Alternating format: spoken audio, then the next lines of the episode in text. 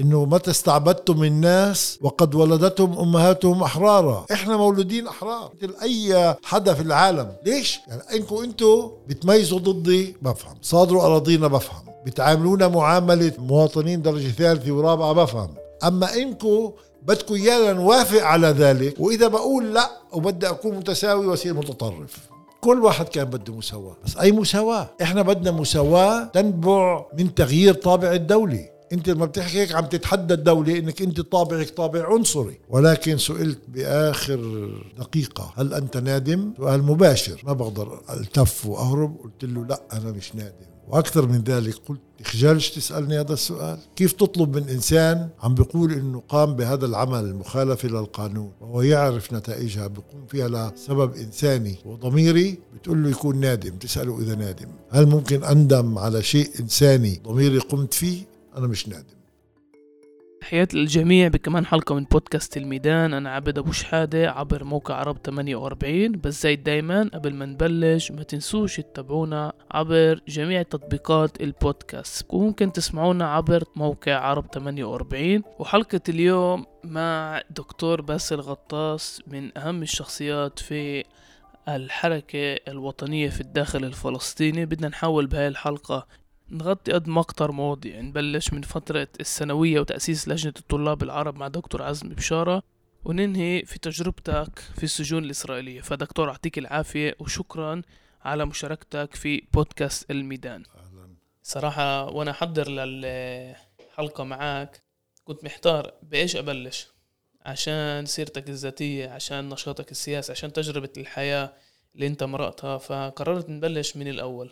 أنت عمليا بتمثل أول جيل اللي انولد بعد النكبة. وأول جيل بنشط سياسيا. النشاط السياسي بالحركة الوطنية ببلش بمرحلة المدرسة. بس بتخيل بهديك الفترة الأجواء السياسية ما كانتش زي اليوم. فعد نقول كمان الحريات السياسية المتاحة اليوم وفي ناس بتاخدها كمفهوم من ضمنها هاي إجت بعد عمل سياسي مكثف اللي أنت كنت جزء منه. والحريات هاي اللي إحنا شايفينها أو حاسينها نوعا ما هي إجت نتيجة لناس اللي اشتغلت وتحدت. فبحب أبلش معك من هاي الحقبة التاريخية. كيف ببلش معك النشاط السياسي وكيف أنت بتقيمه من مرحلة المدرسة؟ يعني أنا حلو الواحد بهذا العمر وبهذا الجيل وبعد كل هالتجربة يرجع للبدايات دائما الحقيقة أنا بالفترة السجن قررت إني أبدأ أكتب مذكراتي. وبعد تقريبا شهر ونص أو شهرين من تواجدي بقسم نمرة أربعة في سجن الجلبوع وجدت القدرة أني أبدأ أكتب. وما بدأت أكتب من البدايات كنت أتنقل بفترات مختلفة من حياتي.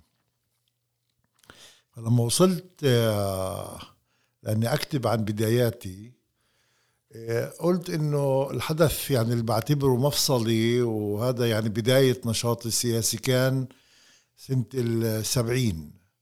يعني كان عمري 14 سنة.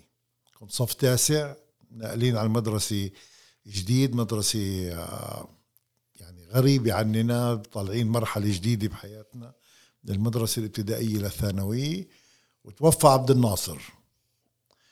ب 29 أيلول يعني كان صار لنا شهر في المدرسة وكانت ب 30 أيلول جنازته. وقررنا آه، إنه نعمل جنازة رمزية آه، نطلع من المدرسة ونحمل تابوت ملفوف بالأسود ونمشي بالجنازة في البلد. طبعا في هذيك الفترة المدير المدرسي آه، كل مثل أي مدرسة يعني منعنا سكر البوابات وكان يعني صعب إنه الطلاب يخرجوا. كان صاروا الناشطين يعني الأكبر مننا وبعدين في يتجمعوا مقابل المدرسة صاروا محضرين آه، يعني التابوت وال وإحنا أنا شفتهم من من شباك الصف قررت إني آه، أتسلق السور والسياج وأنط على الشارع. وما حسيت ولا أغلب طلاب صفي عاملين زيي. لما شافوني أنا قفزت من شباك الصف على السور على الشارع عملوا نفس الشيء. وصرنا بالبلد بمظاهرة كانت بالنسبة إلي يعني هي عمل جريء وبتطلب جرأة وشجاعة اللي كانوا يبدو متوفرات أو متراكمات عندي آه، بهذا العمر الصغير. آه، وهيك صار إني أنا صرت يعني أعتبر حالي آه، منتمي سياسيا وناشط سياسيا رغم صغر العمر. بس البيئة اللي أنا كنت ربيان فيها وعايش فيها إنه الوالد كان أستاذ غطاس يساري معروف كان عضو في عصبة التحرر الوطني آه، قبل ال 48 كانت جريدة الاتحاد والغد توصل دايما للبيت عنا يعني هاي الروح الوطنية والاهتمام بالشأن العام بما يجري وبالسياسي. لما كانت خطابات وإحنا أطفال أصغر ينفتح الراديو تنسمع خطابات عبد الناصر. يعني هاي هاي الأجواء اللي أنا ربيت فيها مش أجواء الخوف. كان عمي كمال مرحوم كمال غطاس يعني عضو بارز في الحزب الشيوعي ودائما إحنا بصلة معه.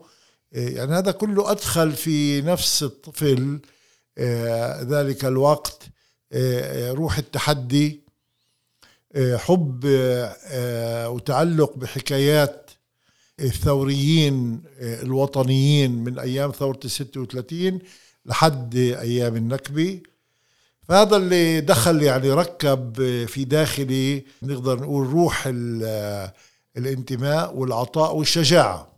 وهذا رافقني حتى اليوم واللي يمكن مسيرتي كلها بتتميز في بعض المفترقات أو أو الحوادث اللي دائما اتخذت فيها آه، موقف الحسم باتجاه آه، آه، العمل باتجاه النضال حتى لو كان في ذلك دفع الثمن. كنت مستعد دائما للتضحية ودفع الثمن.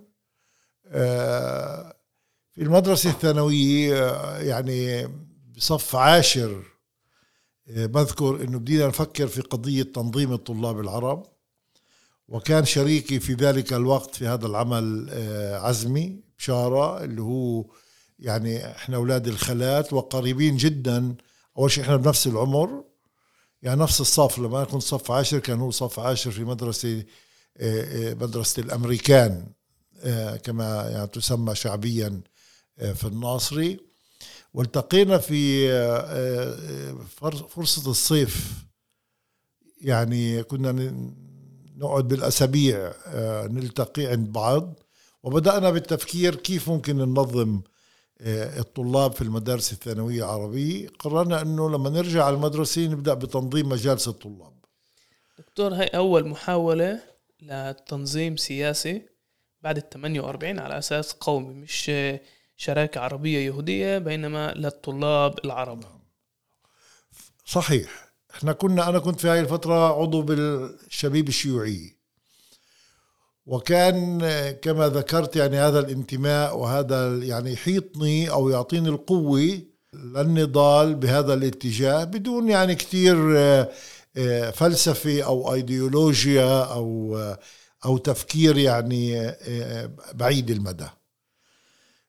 قضينا صف 11 وإحنا نزور المدارس الثانوية لتنظيم مجالس طلاب. كان أسهل بالناصري لأنه معظم المدارس الثانوية بالناصري هي مدارس يعني إرسالية أو آه، مش تابعة لوزارة المعارف وفيها نوع من الحرية أكثر آه، إحنا وين رحنا على مدارس حكومية كان هناك مقاومة لإقامة مجالس طلاب. بذكر يعني بدينا طرسنطة بعكا اللي هي كمان مدرسة مش حكومية نجحنا في ذلك. كان آه، إدريس تيتي اللي اليوم بروفيسور في مجال الرياضيات كانت أفنان إخبارية اليوم ذلك الوقت أفنان عوض كمان آه، من الطلاب النشيطين.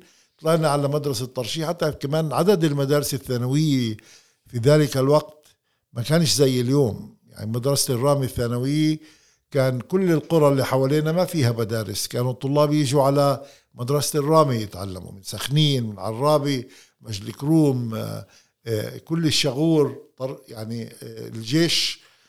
كل هاي المناطق كانوا يجوا يتعلموا آه، في الرامي. هذا كان كمان يعني إذا تطلع عليها بنظرة آه، اجتماعية آه، إنه هذا الخليط آه، والتمازج بين طلاب من عدة قرى كان يعطي مجال أكبر لخلق ثقافه مشتركه وتبادل يعني معرفي مع مع ناس جايين من خلفيات اجتماعية وثقافية مختلفة. نجحنا خلال الصف ال 11 قررنا في فرصة ما بين صف فرصة الصيف بين ال 11 و 12 بالذات آه، كان صار معنا أنا وعزمي كان صار في كمان مجموعة تحضيرية إنه نبدأ بالتحضير لمؤتمر عام لطلاب الثانوية العرب بهدف تشكيل لجنة آه، تمثل كل الطلاب العرب في المدارس الثانوية. هذا كان هدف مش بسيط وأذكر نفسي أزور عزمي وهو يجي يزورني كل نهاية أسبوع حتى نحضر للمؤتمر. المؤتمر عقد آه، في نيسان 1974 أنت لازم كمان تتخيل إنه بهذا الوقت هاي الأشهر هي اللي الطلاب فيها عم بيكونوا عم بحضروا للبيجروت. وبيكون إحنا بمدرستنا مثلا كان صار في شيء اسمه علامه اللي الطالب بخدها إنه يحسن آه، آه، احتمالات يعني حصوله على علامات عالية في البيجروت. آه، فطلاب أولاد صفي عم بدرسوا في بحضروا لامتحانات. وأنا داير بيقولوا على حل شعري أنا وهاي المجموعة نحضر لمؤتمر طلاب الثانويين العرب وبدينا كمان في ذلك الوقت شيء اسمه عيد الطالب. استغلينا إحنا قصة إنه نعمل عيد طالب تنقوي آه، مجالس الطلاب اللي كان دوبها عم تتأسس في المدارس. فوصلنا لمؤتمر الطلاب الثانويين العرب. بهاي الفترة بالذات يعني بآخر أيام بديت أحس أنه هناك تحفظ آه، داخل الشبيبة الشيوعية اللي أنا منتمي إلها من أنه إحنا عم نعمل هذا المؤتمر ومن أنه بدنا نعمل لجنة اسمها لجنة الطلاب الثانويين العرب ليش برأيك؟ يعني بالحزب الشيوعي الإسرائيلي اللي إحنا منتمين له كان ما بده ولا على جدول أعماله إلا تقام تنظيمات عربية صرف على أساس قومي إحنا ما كنا يعني آه، رايح تفكيرنا بهذا الاتجاه بإنه يعني إحنا عم نعمل شيء آه، معجزي أو شيء خارج عن المألوف. بنهاية المطاف إنك تنظم طلاب ثانويين عرب اللي ظروف آه، حياتهم الطلابية ومناهج التعليم تبعتهم تختلف. يعني في قضايا خاصة بهذا الجمهور. وإحنا كطلاب عندنا وعي سياسي آه، أكثر من آه، المتوسط. اتجهنا هذا الاتجاه بشكل تلقائي وطبيعي ما شفنا فيه هون إنه إحنا عم يعني نتحدى تفكير الحزب أو منهجية العمل اللي الحزبي اللي كان. مع ذلك أتيح لنا يعني ما إجوا قالوا لنا أعطونا يعني آه، تهديد أو كارت أحمر آه، انزلوا عن الموضوع. فعقد المؤتمر كان نجاح منقطع النظير. كتب عن ذلك في ذلك الوقت إميل حبيبي وإميل توما وآخرين. يعني مدحا صليبة خميس أذكر. كان معنا عدد قليل من المعلمين خاصة من مدارس الناصري. وأذكر أنه في بعض المدراء تجرأوا وحضروا المؤتمر معنا. كان مجرد إنك تيجي تحضر المؤتمر أنا عم بحكي عن سنة ال 74 كان هذا يعني عمل بطولي. أنت عم تتحدى آه، آه، آه، واقع اللي فيه المخابرات الشباك جهاز المخابرات مسيطر بشكل كامل على جهاز التعليم العربي بالذات وعلى مناهج التعليم. فأقمنا لجنة طلاب الثانوية العرب كان عزمي بشارة رئيسها وأنا كنت نائبه وعملنا قرارات للمؤتمر يعني اشتغلنا على مستوى يعني إيه، بتقدر تقول اليوم يعني أحزاب كبيرة إيه، إيه، بس قادرة على عملانه. عملنا قرارات عقد في سينما الناصري وكان يعني آه، حدث.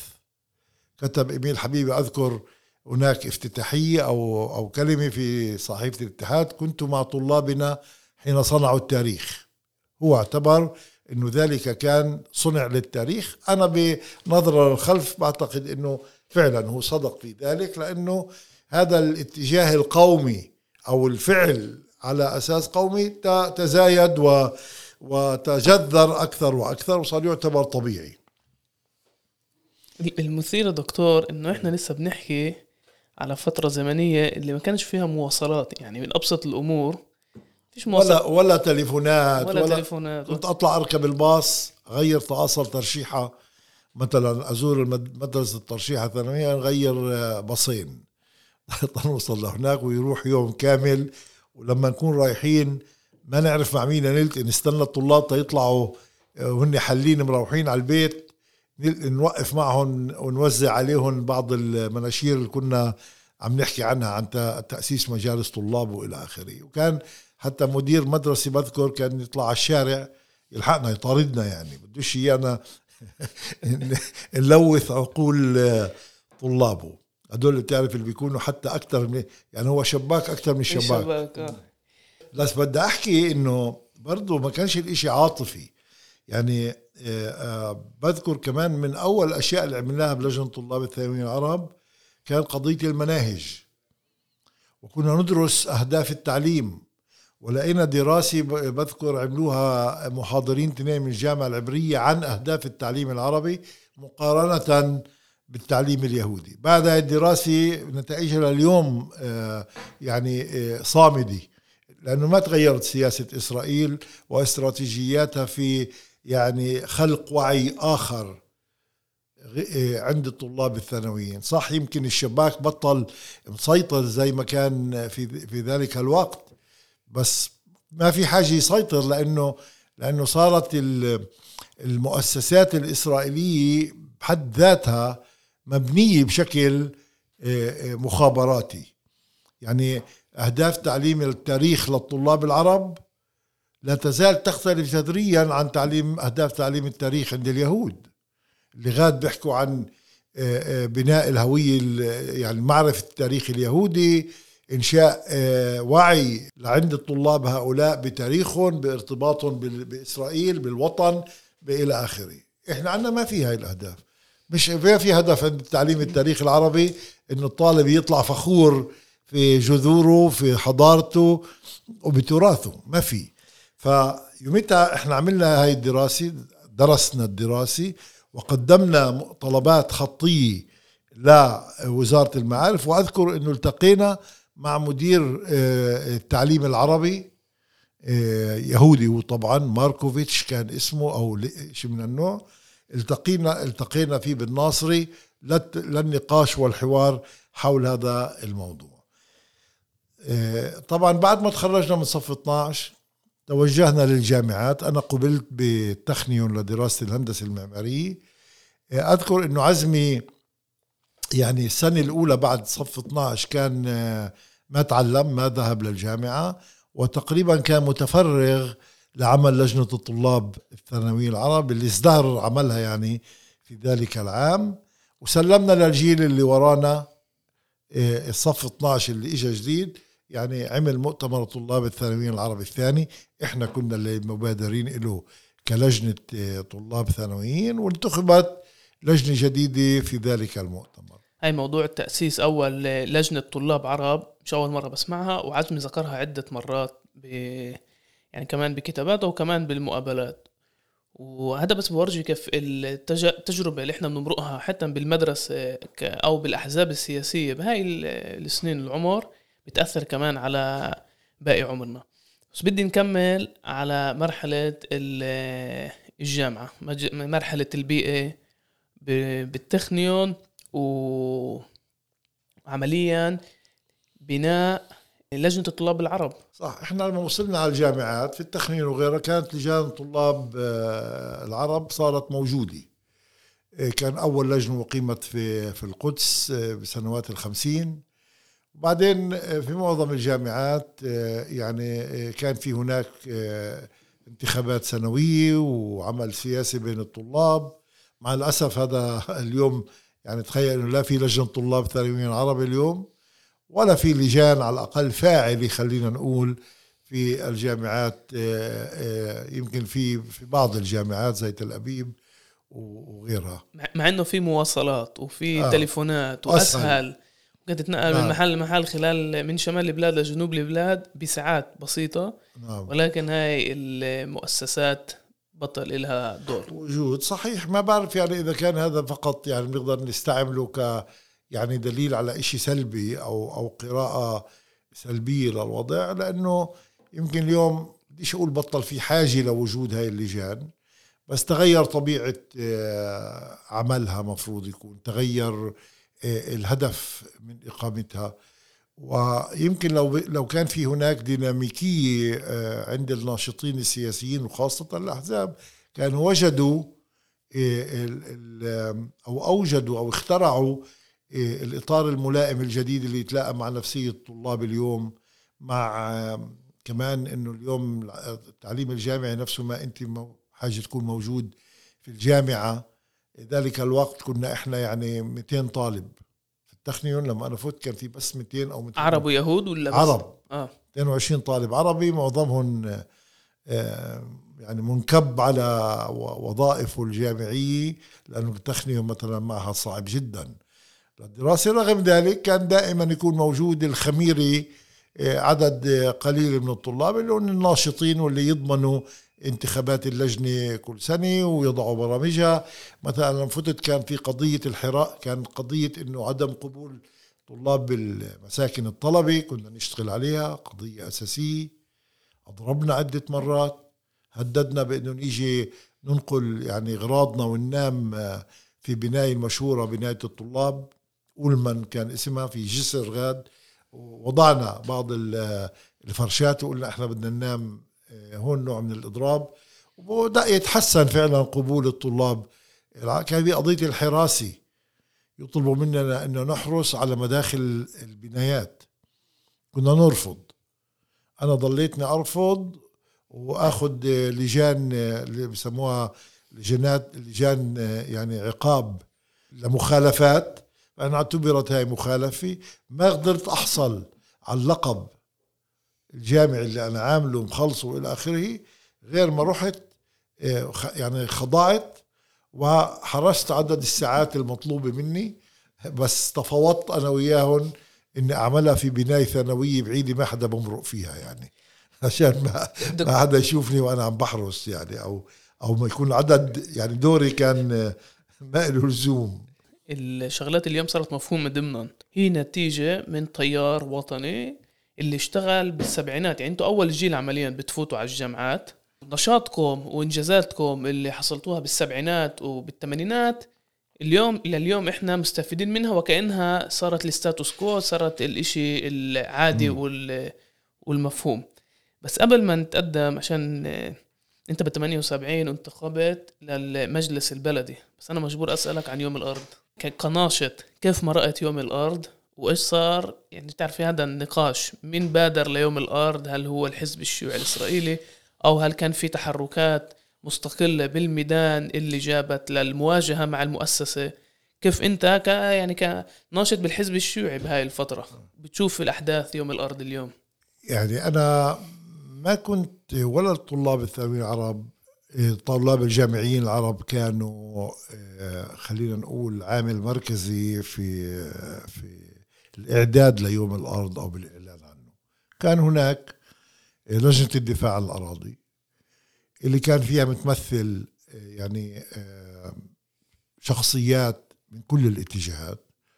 ممكن القول إنه الحزب الشيوعي كان بين بين المبادرين وكان له دور مركزي ولكن أنا ما بحب أخوض ال- النقاش يعني كان نيجي نقسم نسب مئوية. قديش كانت نسبة التاثير أو أو الدور القيادي للحزب الشيوعي في يوم الأرض أو كان كل كل مركبات يعني الحركة الوطنية في ذلك الوقت كانوا لهم آه، وجود ولهم حضور. وكان الصراع أصلا مش داخل لجنة الدفاع عن الأراضي بين هاي الأحزاب. كان المنا... نقول ال- ال- المواجهة مع آه، بالأساس مع آه، اللجنه القطريه للمجالس المحلية اللي بتأثير وبضغط. من آه، توليدانو ذلك الوقت اللي كان مستشار رئيس الحكومة للشؤون العربية. هذا المنصب ال- اللي يعني كان عمليا هو آه، بإيد الشباك ومنصب كنا نرفضه نرفض وجوده الحركة الوطنية. بس المجالس المحلية كانت تتعامل معه. وتحت الضغط وهنا هنا صارت المواجهة في الاجتماع المشهور في بلدية شفا عمر اللي أخذ قرار بإلغاء الإضراب. بس كان في عدد من الرؤساء الوطنيين بما في رئيس اللجنة اللي كان ذلك الوقت رئيس مجلس الرام المحلي حنا مويس اللي عارضوا وطلبوا إنه اللجنة القطرية ما تصوت. وإحنا كنا خارج خارج قاعة البلدية تجمع هائل من الشباب اللي يهتف آه، لضرورة الاستمرار بالإضراب. والرؤساء اللي صوتوا ضد الإضراب حتى ما استرجوا يطلعوا آه، من الباب الرئيسي. هربوا هريبه آه، من المكان. وبنفس الليلة لجنة الدفاع عن الأراضي أعلنت استمرار الإضراب وانه اللجنه القطريه ما لها حق تلغيه لأنه مش هي اللي دعت له فكان من بداياته هناك يعني صراع بين بين آه، من يدعو للإضراب في مواجهة مخططات المصادرة الأراضي وبين من يريد آه، يعني إنه يستمر آه، بالحوار وبالتعامل مع الحكومة من منطلق الخوف من منطلق آه، آه، يعني آه، محاولة تجنب المواجهة تجنب إنك أنت كأقلية قومية موجودة تعمل عمل موحد ومشترك في مواجهة السياسي الإسرائيلي مهما كنا نسمي ذلك.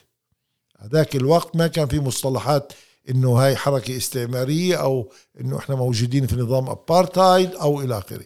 حتى كل هاي الفكرة اللي إجت بعدين وكان التجمع له دور رئيسي في يعني إيجاد المصطلحات آه، آه، آه، السياسيه لتقييم وضعنا هذا ما كان ده وما كانش هذا موضوع الخلاف كان موضوع أساسي أكثر ويعني جذري أكثر. أنت بدك تواجه بدك تتصدى لمخططات المصادرة بدك إنه نعمل عمل مشترك. إيه، إحنا كأقلية قومية في مواجهة إيه، إيه، سياسة التمييز ولا لا؟ بعدين صار إنه كيف يعني مين مين عمل أكثر ومين سوى؟ هذا أصلا يعني أسقط بأثر رجعي على يوم الأرض نفسه.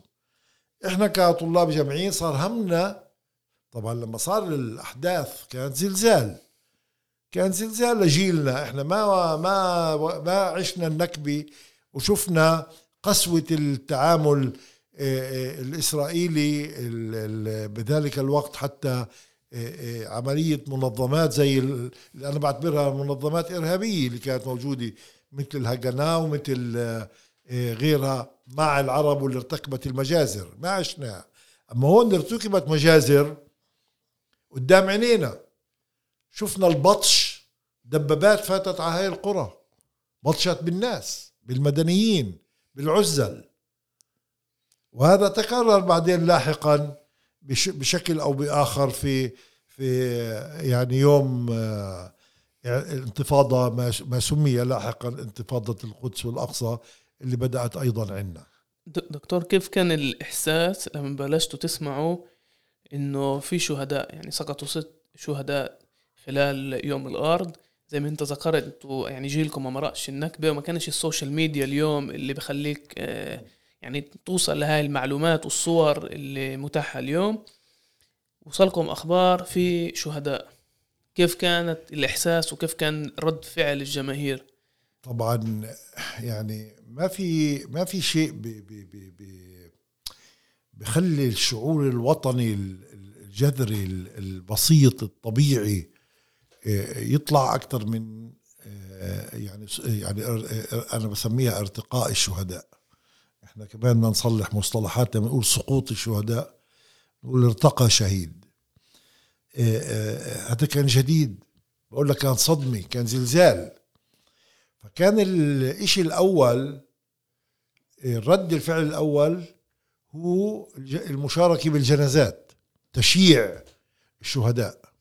وتم تشييع الشهداء في عرابي وسخنين يعني بشيء بعده لسه لسه بقشعر الأبدان. عشرات الآلاف من كل القرى إجوا مرات مشيا على الأقدام لأنه الجيش حاول يمنع وصول الناس لهاي القرى. وكانت يعني التشييع هو عبارة عن مظاهرات رد فعل آه، آه، شعبي آه، لا يمكن وصفه. يمكن تكرر ذلك في تشييع الشهداء في الانتفاضة الثانية في الأول من أكتوبر والثاني من أكتوبر 2001 2000 2000 آسف. ف يعني كان وجودنا إحنا هدفنا كطلاب كيف وقسم منا يعني بات في في قرى يوم الأرض في مثلث يوم الأرض حتى نشارك في في تشييع الشهداء. فكان أسبوع كامل من يعني عملية رد الفعل الطبيعي الجماهيري التلقائي. هذا يعني كان رد فعل عاطفي نقدر نقول آه، تلقائي الجماهير طلعت. وكان إشارة إلى أنه يعني 76 يعني هذا الشعب هذا المارد نسميه آه، آه، لم يعد في قمقم السياسة الإسرائيلية. بدأ يتمرد. ويخرج نقول الأنظمة والمألوف اللي أوجدوا الحكم العسكري. من تأثير وجاء ذلك بعدين تمثل في انتخابات البلديات اللي صارت بعد يوم الأرض إنه إنه الرؤساء لأول مرة وجوه وطنية بتفوز في الانتخابات. دكتور أنت من الشباب اللي كانوا بالحزب الشيوعي اللي سمحوا لحالهم كمان ينتقدوا الاتحاد السوفيتي. قبل ما يسقط طبعا الاتحاد السوفيتي إحنا بنحكي على نهاية الثمانينات. والحزب الشيوعي ما ما قدرش يستوعب الانتقاد اللي كان موجود.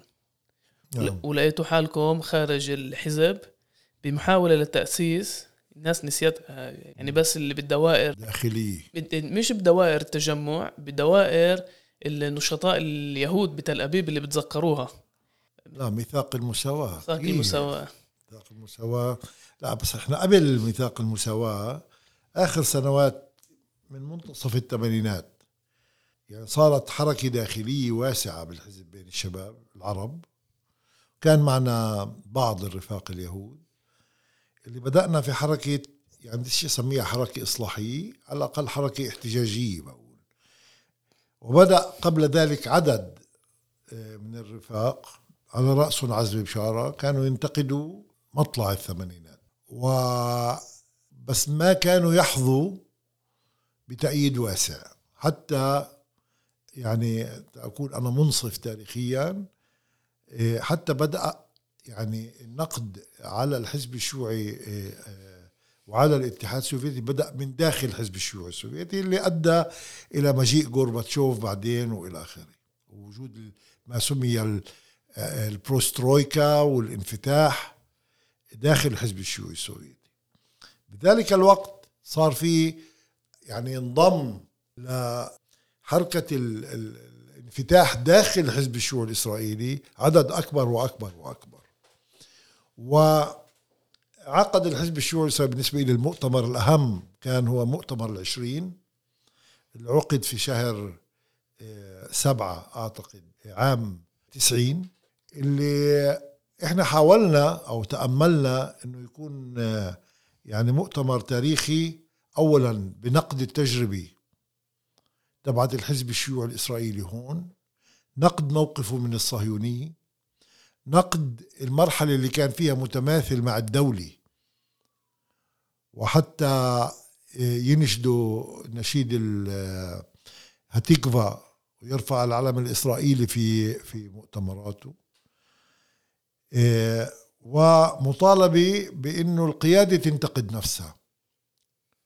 نقد جريء ويبدأ التغيير من تغيير إيه، الاسم والدستور وكل ما يسمى الديمقراطية المركزية و إيه، يعني وضع من ناحية تاريخية النقد ولكن دخول مرحلة جديدة باسم جديد وبتوجه جديد قومنا بشكل آه، يعني فظيع.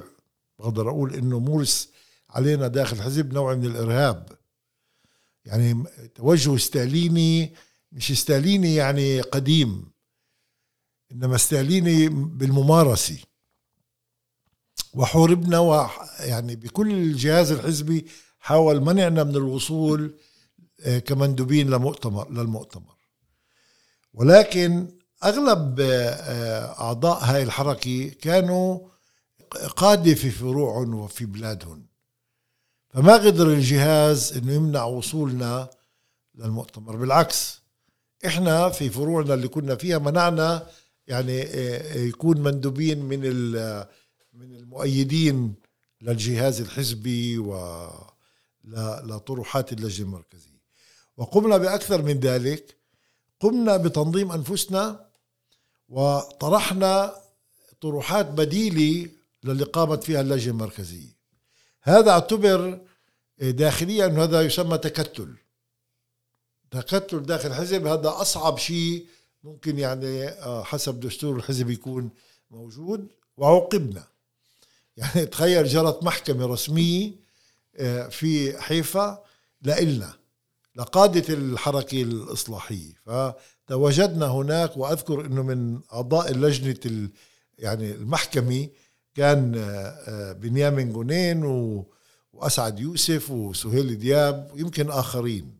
يعني أنا بذكر ذلك يعني مش لحساب عسير معهم وإنما لأذكر الأجواء كانت. يعني إحنا آه، حاولنا ما نتخلى عن عن عن تلك آه، آه، إصلاحها. يمكن هذا كان سذاجي مننا بس إحنا كنا شايفين تجربة الحزب الشيوعي الفلسطيني اللي قام بانتقاد نفسه وقام بتغيير دستوره وقام بتغيير اسمه إلى حزب الشعب. كنا بنقول لهم بس اعملوا يعني استفيدوا من هاي التجربة.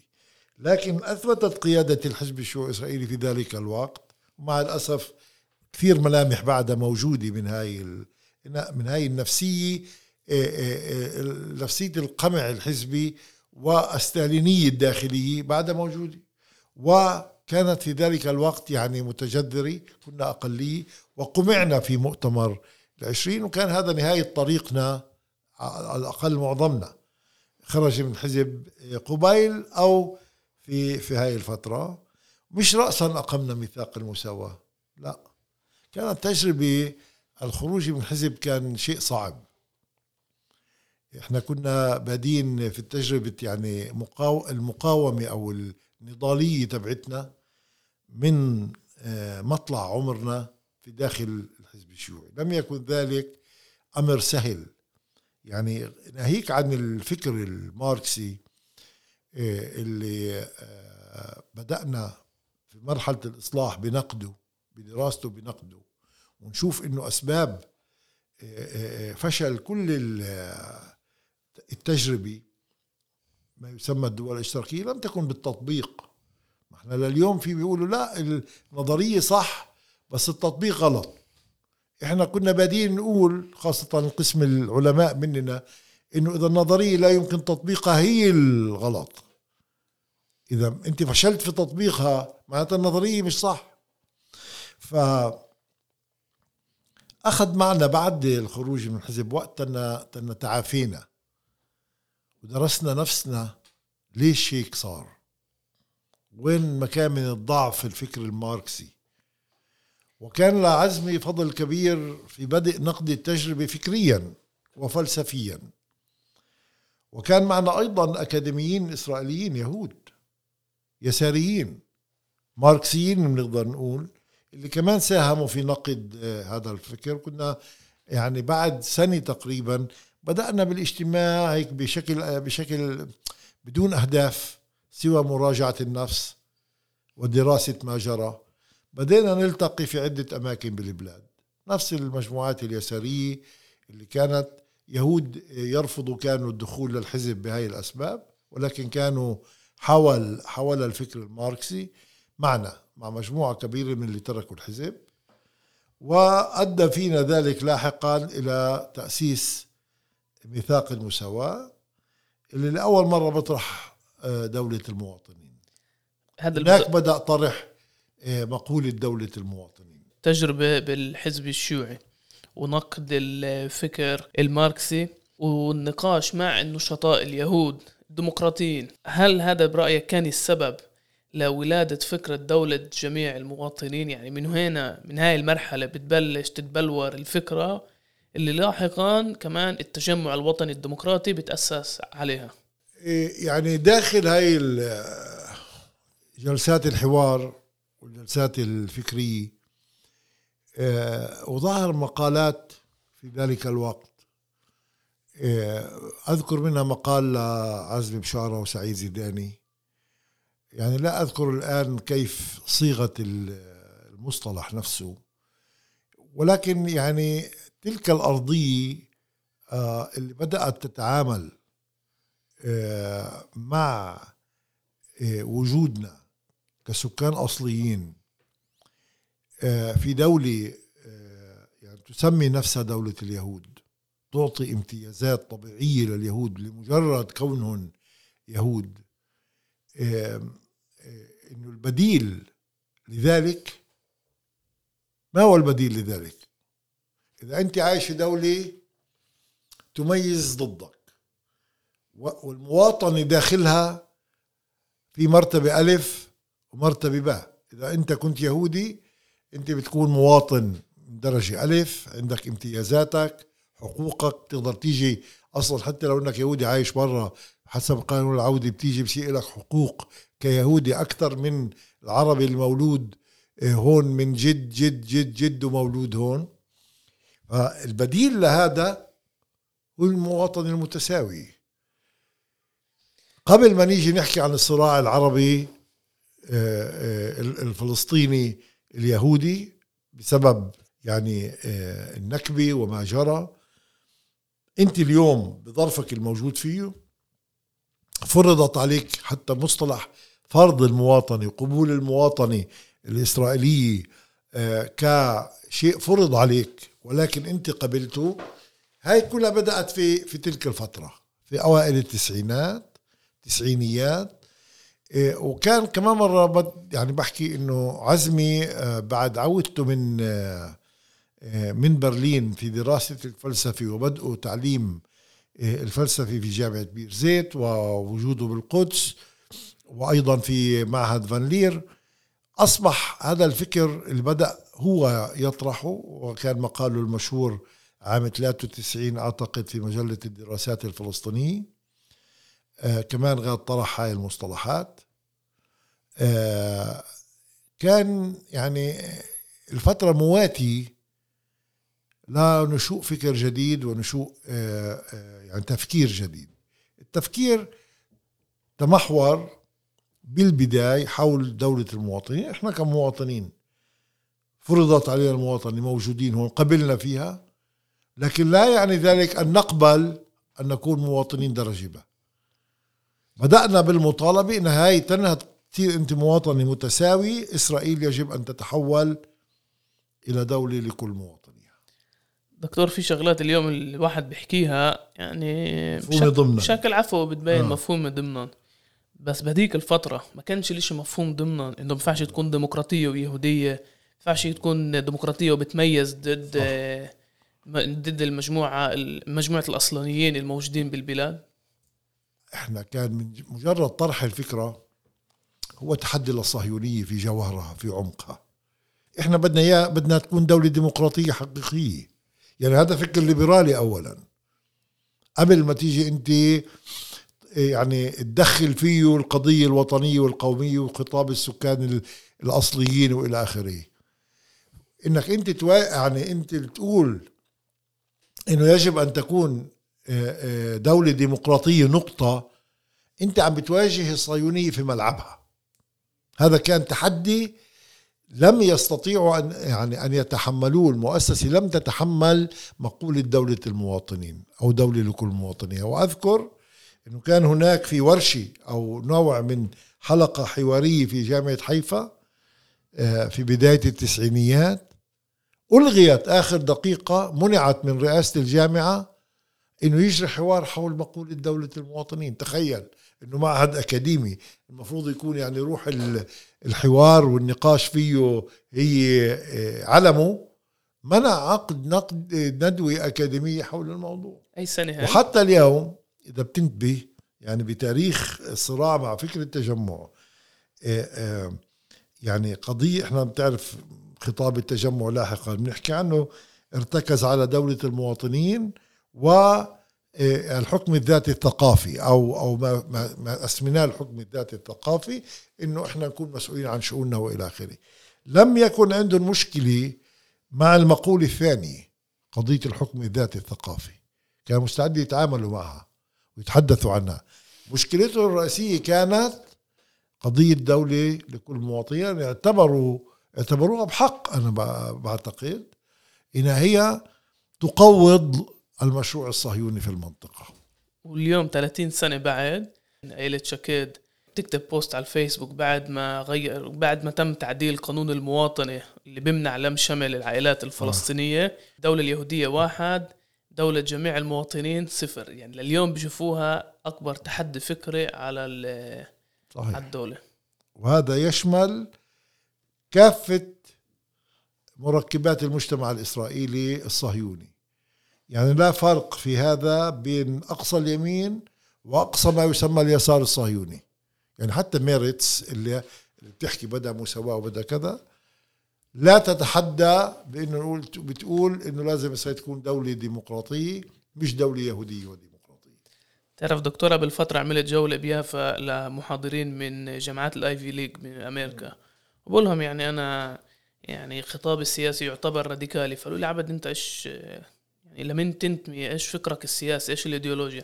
بقول لهم انه أنا بأمن الدولة كل دول العالم لازم تكون دول جميع المواطنين. فكلهم صاروا يصفنوا ببعض. يعني هاي بروفيسورية بالعلوم السياسية والسوسيولوجية. يعني بيقولوا لي إيش راديكالي بتحكي يعني بقول. بيقول لي يعني هذا اليمين عندنا بيحكي بوافق عليه.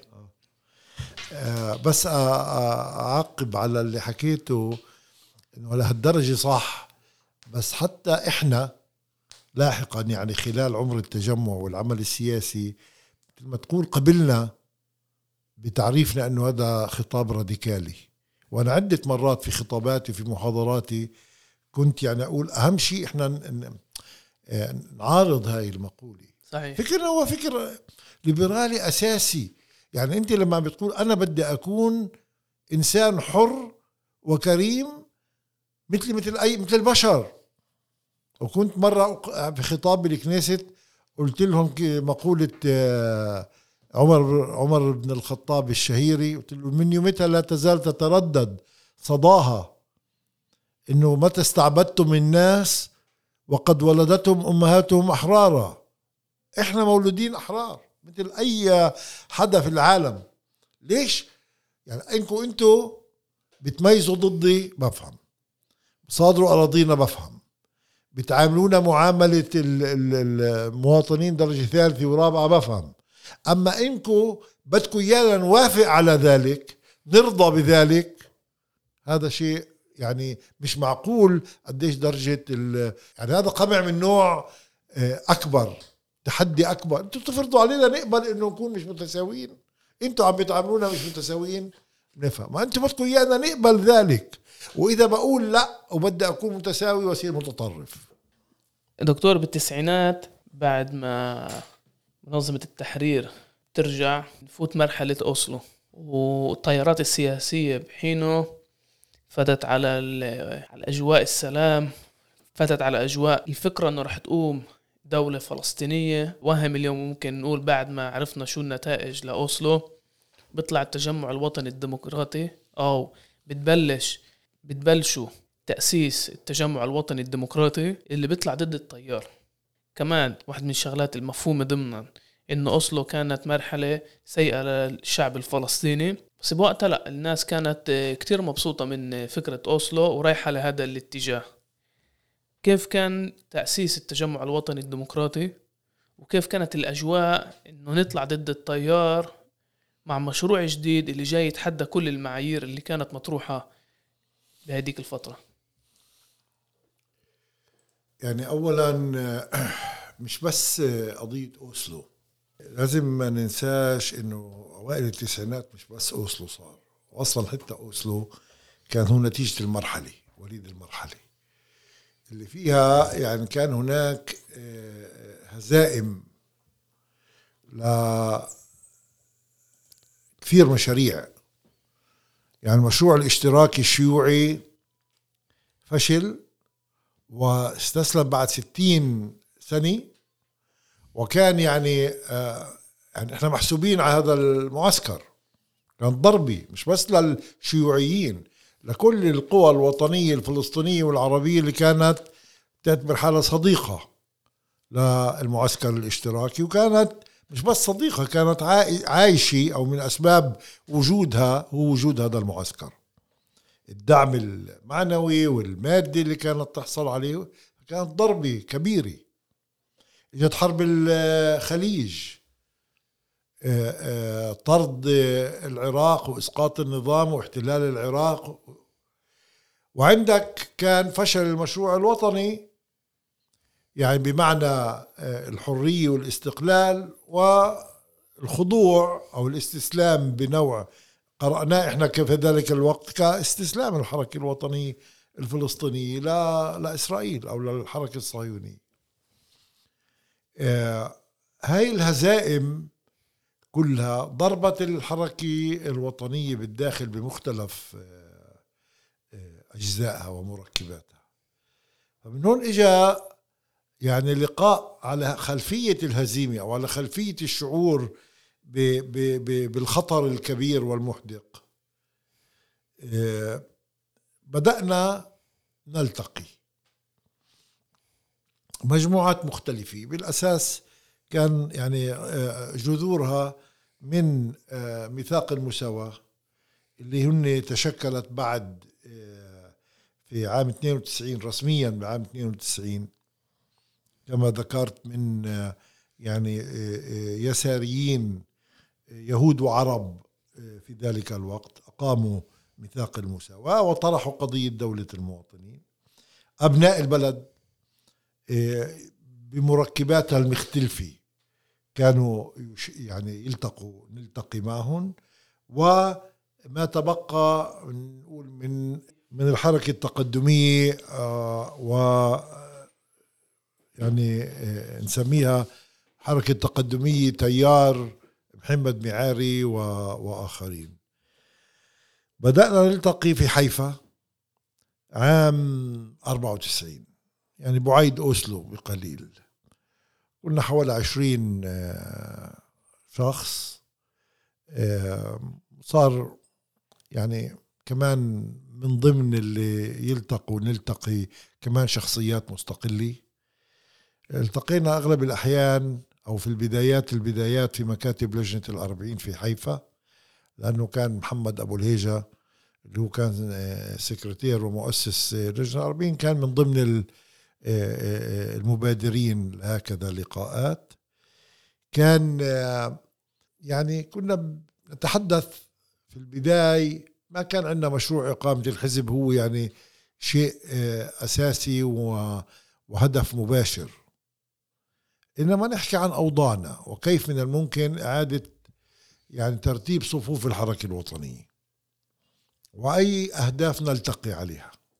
وكان جدل طويل بعدة جلسات حتى صغنا النقاط الأحد عشر آه، اللي آه، تشكل أو يعني آه، التجمع الوطني قام على أساسها يعني كانت صياغة دقيقة دقيقة لكل كلمة ولا حتى يعني هذا كان القاسم المشترك الأكبر بيناتنا. وكان واضح إنه الحزب راح يقوم على هذا الأساس وإنه بدنا إياه حزب ديمقراطي حديث بنيويا آه، يستفيد من تجارب الفشل تبعنا كلنا تبع كل حركاتنا. ويقدم شيء جديد. لشعبنا بشكل عام ولشعبنا بالداخل بشكل خاص. وكان واضح أيضا إنه هذا الحزب يعني بده يفوت على بده يخوض انتخابات الكنيسة. رغم إنه في بين مركباته من يعارض ذلك أوجدنا صيغة إنه من لا يريد يستطيع الا يشارك لا بالتمثيل ولا بالتصويت. ولكن الحزب كحزب من اللحظة الأولى كان يعني واضح أنه هو يريد أن يشارك في الانتخابات. ولكن الموضوع على أن يبقى الموضوع هذا موضوع اجتهاد. يعني دائما كان موضوع المشاركة بالانتخابات يبحث من جديد. يقرر فيه يعني بشكل تقريبا إجماعي دائما على خوض الانتخابات ولكن كان جيد إنه القيادة دائما أثارت أو قبلت بإثارة هذا الموضوع في المؤتمرات وغيره حتى لا يبقى ولا يصبح موضوع المشاركة بالانتخابات شيء مطلق وغير قابل للنقد بالدال والنقد بالضاد. ف آه، يعني جاء خطاب التجمع وانطلاقته آه، آه، كما قلت على خلفية هاي الأزمات وهي المآزق اللي دخلنا فيها ولكنه جاء ببرنامج ومشروع مجابه. عشان هيك صح قولك إنه إحنا كنا ضد التيار. إحنا مش بس كنا ضد التيار الأهم كنا من أجل تغيير الواقع. انت جاي بمشروع فيه خطاب جديد فيه مقولات جديدة فيه طروحات جديدة لتغيير الواقع والوصول إلى مستقبل آخر. عشان هيك كمان قبل هذا المشروع كمشروع تحدي ومواجهة ليس فقط للمشروع الصهيوني وابتكار خطاب جديد مجابه للخطاب الصهيوني وإنما أيضا برنامج تحدى الخطاب العربي الموجود. لكل الحركات الموجودة.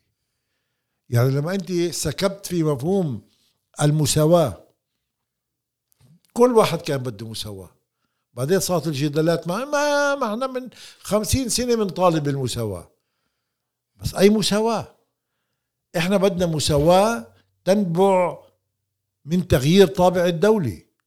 أنت لما بتحكي هيك عم تتحدى الدولة إنك أنت طابعك طابع عنصري.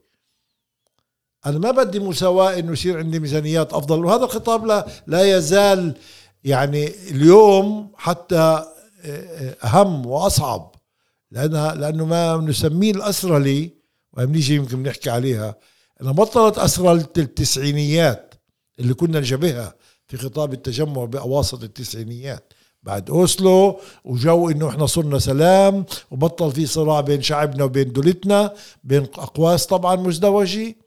و آه، يعني بس ضل علينا إحنا ندير بالنا على مصالحنا. هون. لا صار في اسرى لأصعب اليوم. صار في نوع من الهيمنة الداخلية. إحنا ذوتنا الهيمنة بالخطاب. يعني صار تسمع أكاديميين عرب وبكتبوا بنفس المصطلحات الصهيونية. ما بقول إنه اللي قصدوا يتقبلوا الخطاب الصهيوني.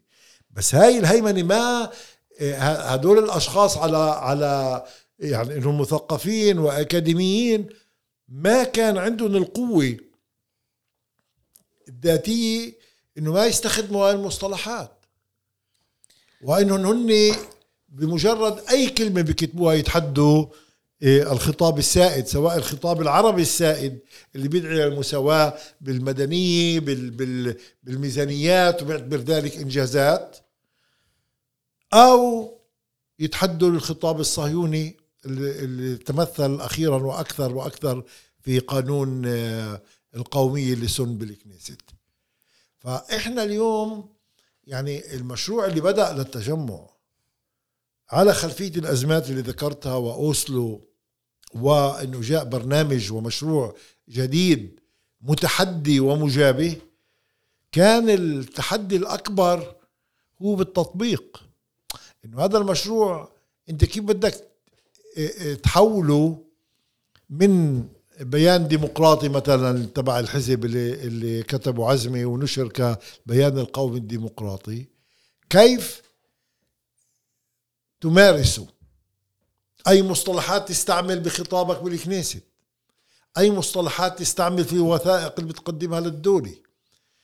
مش صدفة إجت وثيقة حيفا ووثيقة آه، لجنة القطرية بعد مقام التجمع واستخدم العديد من مقولات التجمع في هذه الوثائق سواء أرادوا ذلك أم لا. كان جوهر خطاب التجمع في جوهر آه، هدول الوثيقتين. فالتجمع يعني نشوءه كان حدث بارز في تاريخنا السياسي الحديث. وإنه خطابه سا أصبح سائد يعني. صار الكل يستخدم دولة المواطنين صار الكل يستخدم الحقوق القومية الجماعية. كلمة حقوق السكان الأصليين أصبحت أيضا سائدة والكل يستعملها. فالتجمع كان تحدي الآن أمامه هو مش بس بالكتابة بالكلام. الكل صار يستخدم نقول نوع من تعابيرنا ومصطلحاتنا. اذا بماذا تتميز؟ يجب أن تتميز كمشروع وكحزب بممارسة هذا الخطاب بأن تتحداه بأن تتحدى يعني إنه الآخرين يمارسوه زيك. فهون جاء أيضا أنا بعتبر نقول أداء عزمي بالكنيست. عشر سنوات إذا بدك تلخص اداؤه بالكنيست بتلاقي إنه اختلافاته الجدية مع ما كان قبل وحتى ما جاء بعد هو بإنه أحسن تطبيق هذا الخطاب حتى بالعمل البرلماني. إنك تقدم اقتراحات قوانين اللي منسجمة وبالعكس مشتقة من خطابك القومي. أو من خطاب المساواة ليس فقط المدنيه وإنما مساواة كدولة كل مواطنيها. هون بدك نوع من الابتكار بدك نوع من الإبداع. بدك نوع مش إني أنا رايح بس على الكنيست تني ألقي خطابات اللي فيها مصطلحات التجمع من على من على آه، المنبر وإنما أن أجعل خطاب التجمع دائما وأبرز هاي المجابهة. واضطر إنه بيبي نتنياهو يطلع يجاوب آه، آه، بشعور من إنه مشروعه في خطر. وإنه يعتبر مشروع دولة المواطنين من على منبر الكنيست إنه هذا بهدد المشروع الصهيوني. عندما بتدخل أنت في هاي التناقضات والتجابه المجابهة الحضارية بين مشروعين بين مشروعين. انت دائما بتحطهم في نقطة الدفاع. تعتبر إنه مشروع استعماري لا يزال مستمر. إنه اللي عم بيصير بالنقب هي جزء من النكبة. هذا جزء من عقلية السيطرة على الأرض واحتلال الأرض. أنتم بعدكم مشروع استعماري مثلا. دكتور حدا بينفع نقول إنه هذا الخطاب اللي حط الحركة الصهيونية بمرحلة دفاع يعني اليوم مسؤولية الدفاع على تأييد ليش الدولة لازم تكون فقط على اليهود. جاء إجت بسبب مشروع دولة جميع أو خطاب مشروع دولة جميع المواطنين اللي بتطالب فيها يعني أبسط الأمور مساواة لجميع المواطنين ومش بس لليهود. دكتور أنت لحد سنة 2013 كنت ناشط في التجمع مؤسسات الحزب ولكن مش عضو برلمان. بسنة 2013 لأول مرة ترشح حالك بال primaries للتجمع الوطني الديمقراطي وبتفوز بال primaries للانتخابات 2013 وإحنا بنحكي على حقبة تاريخية جديدة بالعمل السياسي. يعني أولا بال 2006 آه، الدكتور عزمي بشارة بنجبر يطلع خارج البلاد. كان هناك كمان الناس اللي, تفكر إنه هذا حزب شخص مش حزب مؤسسات. ولكن تجربة كمان الانتخابات بال 2009 أثبتت لا إنه في حزب وفي مؤسسات حزب. خليني أبلش بالسؤال هل أنت متندم على دخولك على البرلمان؟ بعد ما شفت حقيقة البرلمان الإسرائيلي كيف بيشتغل والكراهية يعني أنا إذا تسألني برأيي عشان بيعرفوش كيف يردوا على التجمع تخلق هيك كراهية حقيقية ضد التجمع ضد نواب التجمع. بس خلينا نبلش من هذا السؤال. هل أنت متندم دخولك على البرلمان ولا برأيك؟ لا يعني هي كمان تجربة مهمة. آه، أحكي لك ما دالك ذكرت كمان سياق خروج عزمي يعني آه، هذا اليوم 23 3 هو يوم ذكرى آه، خروجه قبل 15 سنة بالضبط للمنفى. ولكن يعني أنا حاولت من يوم تأسيس الحزب أن أبقى بالظل خلينا أقول آه، مش في العمل أو في يعني داخل مؤسسات الحزب كنت نشيط دائما بدون ما أكون في المقدمة. وحتى أول مرة دخلت المكتب السياسي كانت آه، يعني في مرحلة متأخرة. لأنه يعني كان عندنا تجربة إحنا أنا وعزمي أصدقاء طفولي و وزملاء ورفقاء كل التاريخ آه، الشخصي. ولكن أيضا إحنا أقرباء درجة أولى يعني. آه، وكنت آه، يعني حساس عندي تلك الحساسية إنه ما يكون الأقارب يعني في نوع من هيك بما إنك أنت مثل ما كان في الحزب الشيوعي الإسرائيلي كنا نضلنا نشوف وجود عائلة فلانية والعائلة الفلانية ووجود مسيطرتهم على مقدرات الحزب فأنا كنت مبتع يعني من هذا المنطلق يمكن حتى أول مرة بحكيها إنه عندي هاي الحساسية كان.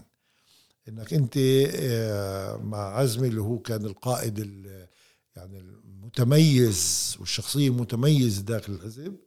وما بدي أكون أنا يعني بما إني آه، آه، قريبه وبما إنه كذا إنه واضح إنه رديف يعني وموجود بشكل يعني طبعا بعرف إنه المؤسسين والرفاق صرنا مع بعض يعني طريق طويله ما بتطلعوا علي أو آه، بينتخبوني لأني ابن خالد عزمي أو لأنه إحنا أقارب أو كذا.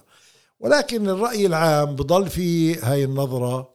فكنت أنا متجنب آه، وعارف إنه طالما هو عضو كنيست أيضا ما في مجال أفكر أنا أيضا في هذا الاتجاه. لما صار النفي وخرج وذلك ب 23 انت غلطت في السنة ب 23 3 2007 واليوم 15 سنة بالخارج.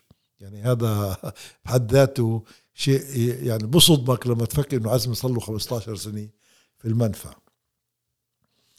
فيعني كان طبعا هزة أرضية داخل الحزب. كان مش بسيط يعني شيء على المستوى الداخلي وعلى المستوى المجتمع العربي وعلى المستوى الإسرائيلي. شخصية من هذا النوع إيه، لها تأثير كان لها بصمة. حتى داخل المجتمع الإسرائيلي فجأة تترك البلاد يعني بشكل قسري طبعا لأنه البديل كان دخول السجن. الملف اللي خيط له ما كان شيء يعني اللي ممكن تجنبه بدون عشرات السنين يقضيها بالحزب داخل السجن. فهذا آه، يعني صار هاي الهزة الأرضية داخل التجمع. كمان جاءت في إنه التفكير في المستقبل. أنا بال 2009 اللي أول انتخابات برلمانية يعني كان عندي فرصة إني أترشح وأحاول خوض الانتخابات يعني طبعا ما كانش مضمون إني آخذ المقعد لأنه في انتخابات داخلية داخل التجمع. فانا رفضت رغم كل الضغوطات والتوجهات سواء من عزمي برا أو من رفاقي هون أنا كنت شايف إني بعدني مش مش فايت على يعني دور إني أقوم بدور سياسي داخل البرلمان. وكنت عم ببدأ مشروع يعني تأطير وتنظيم القطاع الخاص العربي. فشكلت مجلة مالكم اللي هي مجلة اقتصادية باللغة العربية لأول مرة وعملنا مؤتمرات لرجال الأعمال العرب كل سنة بالناصي وكان لي دور كبير يعني في تحفيز المجتمع المجتمع رجال الأعمال وأصحاب الأعمال ما بنسميه القطاع الخاص العربي. عندما اقتربت انتخابات عام 2013 كمان وجهت كمان مرة بهذا السؤال كنت شايف إنه اجى الوقت. فدخلت الانتخابات الداخلية وفزت في المركز الثالث وهكذا وعندما تمثل الحزب التجمع في انتخابات 2013 بثلاث مقاعد. أنا دخلت الكنيسة وكان هذا أول يعني بداية نشاطي البرلماني. يعني أنا كمان هون كنت دائما يعني كان بالنسبة لي المثل لما, لما يجب أن أقوم فيه هو آه، آه، الدور اللي قام فيه عزمي. يعني مش آه، نسخ طبعا واحد لواحد ولكن استيعاب وتذويت ما متوقع من التجمعي كعضو برلمان. إيش؟ هل أنا قادر إنه أجي أوعد شعبي بتحقيق مطالب عادلة من قضية البناء وقضية مناطق النفوذ وقضية الميزانيات وقضية وقضية آلاف القضايا؟ إحنا لا بالائتلاف وإسا راح يبين تاريخيا إنه القائمة اللي راهنت على وجودها بالائتلاف لتحقيق هاي المطالب والمكاسب إنه هذا رهان رهان خاطئ ولا يعول عليه. ولا إحنا بالحكومة بالائتلاف ولا بالمعارضة رح أقدر أقدم. فأنت اذا ماذا ترى؟ شو دورك؟ لإيش رحنا لكان على الانتخابات؟ شعبك بيتوقع منك. مجتمعك بيتوقع منك. فأنا اتبعت يعني إذا بدنا نقول المنهج العزمي بشارة إنك تقوم بدورك اولا بجدية وبمهنية مثل أي وظيفة أخرى أنت بتقوم فيها. إذا اشتغلت بغض النظر إنه في ائتلاف ضدك. أيوه. أنت بتقوم بدورك تحضر كل الاجتماعات اللي جاية. أنت عضو لجنة بدك تقوم بدورك كأفضل عضو بين اليهود والعرب. هذا اولا. هاي ركيزة أولى. وبفكر إنه الأربع سنين اللي قضيتها بالكنيست تثبت إنه ذلك.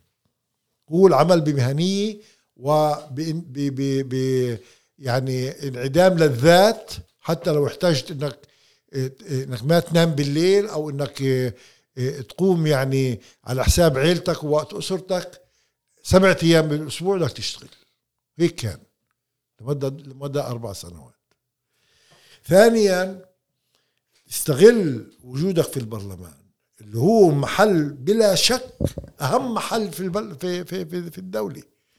هناك تؤخذ القرارات وهناك تسن القوانين وهناك مرجعية لكل الناس وزيارات للكنيسه غاد المحل. بقدرش أقول أنا فايت لغاد بس أنا بما إني معارضة بما إني عربي وكذا ما إلي دور لا. لك دور دور فظيع. استغله. ممكن تحقق من خلاله وخلال مهنيتك أشياء عينية أشياء مهمة وتحقها وبتقدر توصل عبر الدوائر الحكومية يعني الوزارات المختلفة مديرين الوزارات آه، آه، مديرين العامين أقسام داخل الوزارات تلاحق القضية للآخر وبتحصل. مش أشياء راح تغير وضع العرب بالداخل يعني في المية أو أو قضايا يعني راح تقلب واقعنا. بس أنت موجود غاد عندك الوسائل عندك من مهاراتك وتعليمك وإعدادك الأكاديمي وتجربتك استغل. كل عضو برلمان مجبر إنه يقوم فيهم. على أمثل وجه. عطاء غير المحدود قيامك بواجبك بشكل ممتاز كما يجب بأي مؤسسة إن كنت محاضر جامعي ولا كنت محامي ولا إن كنت قاضي ولا إن هيك مطلوب منك. وإنك تستغل هذا الوجود في هذا المحل الحساس لأنك تحقق مكاسب أو قضايا أو تدافع عن شغلات تمنع هدم بيتون تأخر آه، باللجنة الفلانية. قوم بدورك. هدول تنين مقابلهم في إنك أنت قائد عربي فلسطيني مختار إنك تكون بالبرلمان تتمثل شعبك. بدك تجيب القضية الوطنية بكل صغيرة وكبيرة بدك آه، آه، تحط نفسك وخطابك وحركاتك وتحركاتك في مواجهة هذا المشروع.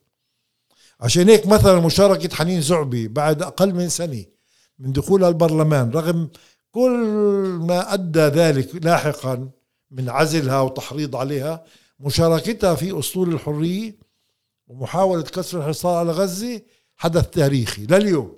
نحكي عنه. ويمكن أهم شيء قامت فيه حنين خلال شاركت في سن القوانين وقامت بكثير كثير أشياء. ولكن هاي المشاركة والإشارة إلى أن في مليونين فلسطيني تحت الحصار في أكبر سجن بالعالم هذا دورها هذا دورنا. وأنا مشاركتي في نفس الأسطول الحرية عام 2015 في محاولة كسر الحصار على غزة جاي من نفس المحل. لما أنت لما أنا كسرت قرار نتنياهو دخلت على الأقصى رغما عن قراره لأني بعرف أول شيء ما له حق. يعني هذا الشيء ألف باء رئيس حكومة ما بيقدر يمنع أي مواطن مش أي عضو كنيست من إنه يتواجد في مكان معين. وحاولت إقناع عدد آخر من من النواب يجوا معي. أنا عارف انها خطوة بدها بدها شجاعة وفيها مغامرة وفيها راح تسبب تحريض بس كسرت القرار عشان أفرجي إنه الأقصى هو مكان غير إنه مكان مقدس هو أيضا مكان فلسطيني. كل الفلسطينيين مستعدين يدافعوا عنه ويكسروا وكسرت قرار نتنياهو. تحدي السيادة. وحتى شغلة بسيطة. يعني بعتبرها من من إنجازاتي بالبرلمان رغم إني أنا عملتها بشكل تلقائي وطبيعي إن لبست الكوفية العربية وأنا أخطب بالكنيسه وانه وقفت دقيقة صمت بأول أسبوع من آه، آه، الحرب على غزة بال 2014 على آه، أرواح الشهداء. كان صار في قتلى في إسرائيل. أنا وقفت دقيقة حداد على أرواح الشهداء في في غزة. يعني أشياء رمزية مرات. وأشياء عملية مرات زي دخول الأقصى. واعتبرت إني أنا هيك انتهكت يعني أكبر حرمة لإسرائيل. هاي الأشياء دورك أنت كقائد عربي فلسطيني آه، عم بتمثل شعبك. وإلا ليش موجودين غاد؟ يعني إحنا مش مش مقاولين خدمات. اللي بده يكون مقاول خدمات زي ما عم بيعمل منصور عباس والقائم صحتين على قلبه. بس هو يفقد في نفس الوقت يفقد أهليته كقائد فلسطيني أو كحزب فلسطيني يهتم ب ومركب بالحركة الوطنية. كونوا يعني أنا ما بعتبر اليوم هن دورهم غير شيء عن ما كانوا العرب في حزب العمل أو العرب الموجودين في الأحزاب الأخرى. بيقدر يهدد آه، الائتلاف حاليا منصور كردوش. زي ما بتقدر تهدد الائتلاف آه، آه، ريناوي شو اسمها ريناوي العضوة وهي هددتهم وأخذت مكسب إنها طلعت على قنصل قنصل في شانغهاي ولا بعد شوي. نفس العقلية يعني نفس إنك جاي أنت تحقق مكسب معين عبر إنك تكون أداة من أدوات السلطة. دكتور أنا اضطر آه، لمرحلة السجن. أنت بنهاية 2016 كان في في زيارة الك السجن آه، مرقت تليفونات لأسرى سياسيين. تم يعني بالضبط وانت يعني بعد عدة أيام تم التحقيق معك على هذه الخلفية وكما يبدو كان في كاميرات في الغرفة اللي أدى بالآخر لاستقالتك من البرلمان. سجن لمدة سنتين. كيف أنت بتقيم هاي المرحلة؟ طبعا يعني اللي أنا قمت فيه في 16 12 2016 مع دخولي لسجن النقب حامل بعض أجهزة التليفون. آه، كان يعني بعد تفكير مش عمل صبياني و أو مغامر. أنا كنت آه، يعني مفكر فيها منيح وبزياراتي السابقة للسجون آه، يعني امتحنت كل أنواع التفتيش الممكنة و وأدركت أني قادر أني أستخدم حصانة البرلمانية واعتبارات أخرى حتى أدخل مع الأجهزة. طبعا قمت بذلك يعني كما ذكرت عدة مرات من منطلق إنساني وكان القرار هاي أول مرة بحكيها. في تفاصيل كثير القضية مش معروفة للناس وأنا مش معني أكشف كل شيء وهن الأسرى بعدهم موجودين آه، في السجن. وهي يعني مناسبة إني أوجه تحية من هون لكل أسرى الحرية الفلسطينيين. و أطالب بأنهم يطلق سراحهم هن أسرى سياسيين أولا وأخيرا. هناك أسرى بسجون سجنوا قبل أوسلو وصار أوسلو يعني كأنه عقد سلام بين الشعبين ومع ذلك بعدهم بيدفعوا الثمن بالسجون. فأنا أخذت القرار اللي نبع من ضميري و... و... يعني لب تفكيري وجوهر تفكيري الإنساني. وبعد ما زرت أم وليد دقة لأول مرة اكتشفت إنها بطلت غادرة إنها تزوره بالسجن. يعني بادي كان عندها أول إشي الضعف الجسدي وبعدين كمان العقلي بدأ عندها مرض النسيان الألزهايمر. يعني آه، التليفون اللي بالسجن إذا موجود مع مع تليفون من هذا ما يسمى سمارت فون على الأقل بيقدر يشوف أمه ويحكي معه وهي تشوفه. طبعا هذا يعتبر كأنه شيء تافه. في ناس بتقول أنت يعني ضحيت في مركزك البرلماني عشان آه، آه، تليفون يفوت على ال... بيعرفوش. طبعا أنا هاي اكتشفتها بعدين في تجربتي بالسجن. شو يعني أهمية التليفون داخل السجن؟ شو يعني إنه أسير يقدر يحكي مع مع أهله لما ماتت أمه أو لما مات أبوه ويتواصل معهم؟ شو يعني هاي؟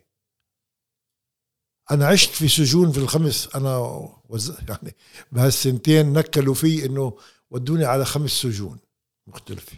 في سجون كان فيها تليفونات وفي سجون ما كان فيها تليفونات. صرت أقول لما أنا أفوت أول ما أدخل السجن على الفورة وأشوف الأسرى بعرف من وجوههم إذا عندهم تليفونات أو لا. لأنه الأسير اللي عم بتواصل مع أهله يوم يوم أو كل يومين أو ثلاثة حسب كمية التليفونات. انت بتشوف وجهه انه انسان حي. سجن ببطل مشكلة عنده. وكثير اسرى بسموا التليفونات هاي نص حرية. نصف حرية قالوا لي بالنسبة لنا.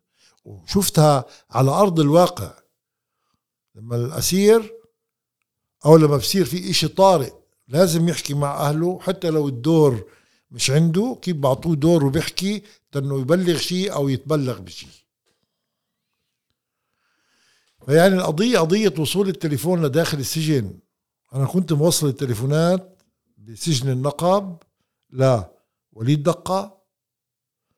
بهذاك السجن بهذاك اليوم وليد دقة وكان كريم يونس عميد الأسرة وآخرين.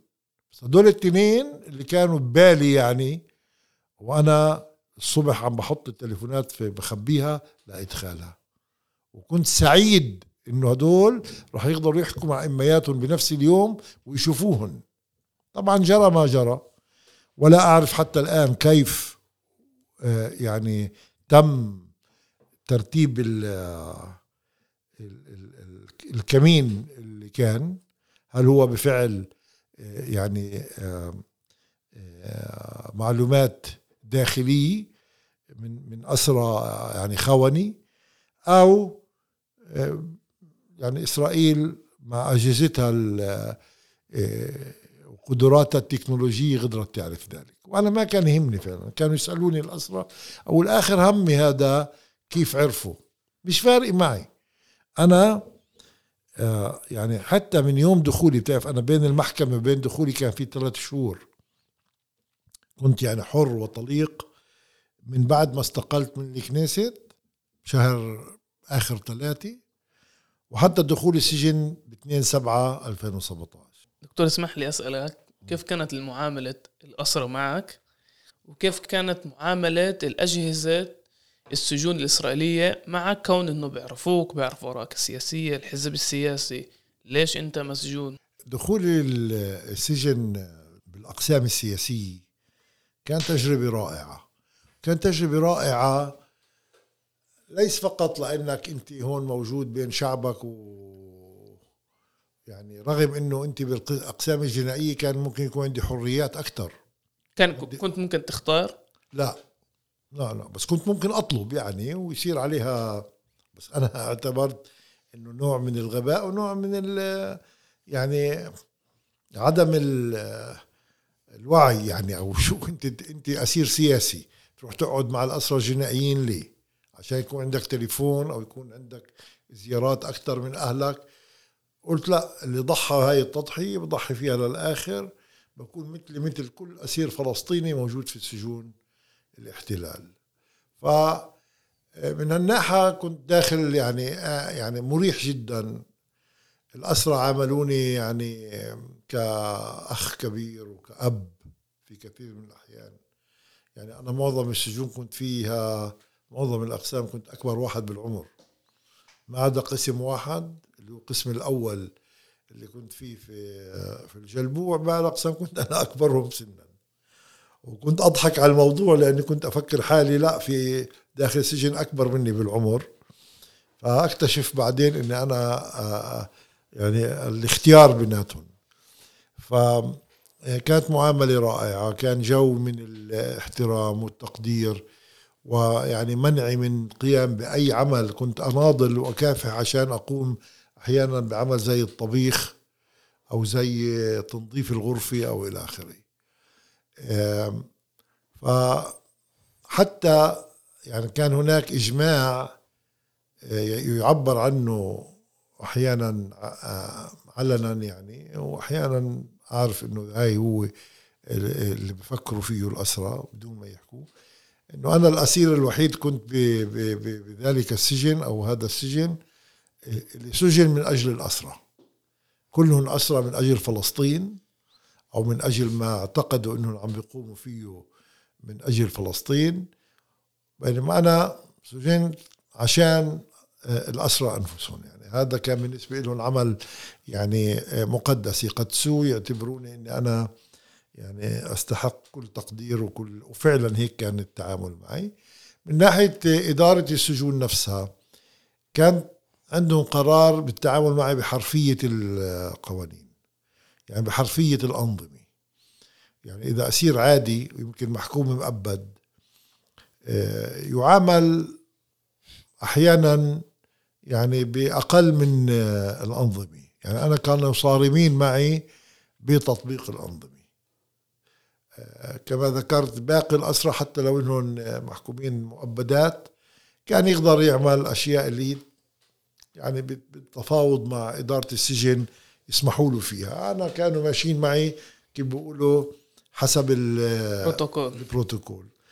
ف إيه، هذا أدى طبعا لمعاناة كبيرة عندي بقضية أوجاع الظهر إيش مسموح وإيش ممنوع إني أفوت على داخل السجن. منعوني شيء بسيط يعني زي زي ألبسة زي بطانية حرام يعني منعوا زوجتي إنها تدخلها. أحيانا كانوا يشددوا بموضوع الكتب. منعوا كتاب إنه يدخل عندي أشهر آه، لأنه مكتوب عليه هندسة الاحتلال يعني. هذا كان آه، بروفيسور أيال فايتسمان ترجم للعبرية وما ياخذوا تدخل لأشهر. بس هاو دخلته يعني. كل مرة ياخذوا أوراقي أي تفتيش كل سجن نقلت له صادروا مني كل إشي كتبته. ويقعد مرات أشهر لأني أسترجعه. وفقط بالتهديد بالذهاب للمحكمة. يعني هاي كلها أنواع التعامل اللي كانت يعني مقصودة. حتى بالبوسطة لما كنت أطلع على البوسطة يعني بعد ما تعلمت شو البوسطة وعجلدي عرفت شو يعني هاي الميكنة اللي اسمها البوسطة وعرفت ليش الاسرى بسموها انها أصعب من السجن كثير من الأحيان. يعني اسرى مؤبدين يقولوا لنا إحنا السجن بالنسبة لنا هو البوسطه ومش السجن. فكنت أغلب الأح... أول كم بوسطة كانوا الأسرى هن يحملوا عني الشنتات ما يخلوني أحمل الحقائب لأن أنا مكبل بالإيدين وإجرين. كيف بدك تحمل حقيبه واحد ب... بوضعي مع وضع ظهري ومشاكل الوجع فكانوا يعني الأسرى اللي يكونوا معي ما يخلوني للحظة أحاول أحمل الحقائب. بعدين فجأة صاروا يخلوني أنزل آخر واحد من البوسطة ويكونوا الأسرى صاروا داخلين. فأنا ما أوجد نفسي مع حقيبتين ثقال لازم أجرهم أنا. بعدين يعني مثل 50 متر مرات. بعدين أرفعهم على الجهاز جهاز هذا الفحص المغناطيسي تبع كنت طبعا أرفض وأجابه أنا وياهم. أجبرهم إني يحملوا قسم وأنا قسم. يعني كانت آه، مسلسل من المعاناة والتنكيل بقضيه التنقيل بين السجون والمبيت في المعابر. طبعا هذا كله مكتوب. وراح يطلع كتاب قريب يعني صرت أقدر أقول إنه إن شاء الله بالأشهر القادمة يعني. مش بعيد راح يطلع كتابي دفاتر السجن. راح يصدر على المركز العربي للدراسات والأبحاث. آه، تأمل إنه يعني اني قدرت ألخص أو مش ألخص أنقل التجربة كما هي يعني كما حدثت في ذلك الوقت. يعني كتبت يومياتي كل ما يحدث معي آه، بتسلسل يومي وهذا قدرنا ننقله لكتاب آه، يعني اللي بتأمل أنه آه، يوثق التجربة ووجودي مع الأسرى الفلسطينيين كما مرة في كل السجون كانت تجربة هائلة. يعني بتخيلش أنا حياتي اليوم باسل غطاس بدون هاي التجربة بدون هذا يعني في شيء بنمرق عليه بالحياة.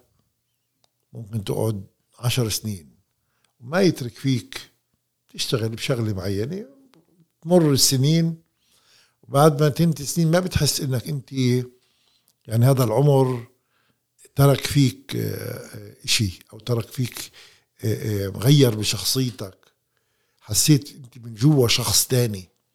هدول الأقل من سنتين بقليل اللي أنا قضيتهم بخمس سجون. بست أقسام. تعرفت على أكثر من ألف أسير فلسطيني. عشت معهم قاسمتهم اللقمة قاسمتهم آلام البوسطة المبيت في المعابر. تجربة يعني لن تغيب لحظة عن ذهني. بفكر أنا باليوم لازم نسأل سوسن. كم مرة بذكر السجن؟ عم بحاول أقسم إني عم بحاول ما أضلني أذكر الأقسام والسجون وأقول هاي الاكله عملناها هيك وهديك هيك ولما نقلوا لي من سجن هيك لهيك ولقيت فلان بالبوسطة. مش ناجح. ويمكن غلط إني أفكر إني إني يعني إني كأنه إذا آه، ما ذكرت الموضوع كأني نسيته. أذكر لما طلعت من السجن اتصل في دكتور سليمان الصانع أبو خلدون طبيب مشهور من أوائل الأطباء بالنقب. سجن ويتعلم بالطب في إيطاليا على عضوية بحركة فتح أو فسجن لا اذكر ثلاث سنوات أو كذا وعاود رجع كمل تعليمه وكان مارس الطب 40 سنة في النقب فاتصل في هناني طبعا بالسلامة. قال لي باسل حضر حالك. أنت طلعتي من السجن؟ بدك سنة إسا تتعود إنك طلعتي من السجن. بس السجن مش رح يتركك مش رح يطلع منك. واللي أنا بعد 43 سنة بعدني كل ما أطلع أمشي برا بتذكر المشي في الفورة. بحس حالي عم بمشي بالفورة فتحية لأبو خلدون كمان اليوم. بس إنه فعلا آه عايش معي هاي التجربة و... وأنا متصالح مع نفسي جدا أني أنا قمت بهذا العمل وأني دخلت هاي التجربة وعشت مع الأسرة. ولا قضية تشغل همنا الشعبي الفلسطيني بشكل عام أكثر من قضية الأسرى. فهذا هو جربت لجنة الثلث. أنا قدمت طلب لتخفيض الفترة وحضرنا يعني منيح للجنة الثلث. حتى ما ندخل في موضوع هل أنا نادم ولا مش نادم. حاولنا بكل الطرق يعني تجنب الموضوع والالتفاف عليه. ولكن سئلت بآخر دقيقة من قبل أعضاء اللجنة. هل أنت نادم؟ سؤال مباشر. فكان ما بقدر ألتف وأهرب قلت له لا أنا مش نادم. وأكثر من ذلك قلت له أنت بتخجلش تسألني هذا السؤال؟ كيف تطلب من إنسان عم بيقول إنه قام بهذا العمل مخالفه للقانون؟ وهو يعرف نتائجها بيقوم فيها لسبب إنساني وضميري بتقول له يكون نادم تساله إذا نادم. هل ممكن أندم على شيء إنساني وضميري قمت فيه؟ أنت بتتوقع مني إني أندم؟ أنا مش نادم. طبعا رفضوا طلبي يعني هذا كان بحد ذاته آه، آه، ثمان أشهر إضافية يعني كان ممكن آخذ ثمان أشهر تخفيض. فقعدت لآخر الفترة وهكذا زرت سجون إضافية. في تجربة حلوة إني أنا كنت في نفحة. ست شهور تقريبا. قعدت فيها بقسمين قسم آه، بسمى بلغة الأسرة قسم بلاطة مخيم بلاطة وفي قسم بيت لحم. آه ونفحة اللي ما عاش فيه يعني آه بضل له اسم زي المخيف. يعني بخوف انه انت انت رايحة نفحة نفحة هذا أصعب سجن. وفعلا من ناحية الظروف ال- اكتشفت بعدين من ناحية الظروف ال- ال- الفيزيائية آه يعني سجن قديم جدا وأوضاعه يعني بناء عليه كثير صعبة. ولكن تكتشف إنك أنت بكل سجن زي يعني له حسناته وله سيئاته. ولما تعبر تجربة نفحة أنت بتحس حالك إنك أسير يعني حقيقي مثل مثل كل الاسرى وإنك مرقت نفحة يعني مرقت السجن. وقال لي آه، أسير من غزة وأنا طالع من هدريم. قال لي دكتور أنت رايح على نفحة ما تزعل. اللي ما إحنا بنقول اللي ما دخل نفحة كأنه ما انحبس. فانت فأنت راح يعني تج- تجربتك تكتمل الآن في سجن في نفحة. فتحيه لاسرانا في كل السجون وهذا هو. تقرأوا كتابي بعدين. دكتور يعطيك العافية. شكرا شكرا. إحنا حاولنا بقى الحلقة. يعني نغطي كتير أمور كمان من التجربة السنوية لحد الحبسة. بس برأيي بينفعش حدا بينفعش نفهم منه بس الغطاس بدون ما نفهم كل تجربة الحياة الغنية. هي بالمرة مش مفهومة. ضمنا ومفصلية بالنسبة لنا يعني كشعب فلسطيني بس بالأخص كفلسطينيين في الداخل بين الحقوق المأخوذة الم- الموجودة اليوم كمفهومة ضمنا اللي كانت نتيجة لصيرورة سياسية. يعطيك العافية. thank you شكرا. شكراً. العرب بودكاست. 48 شكرا لك. ويعطيك ال- يعطيكم العافية. الله يعافيك. هاي كانت كمان حلقة من بودكاست الميدان.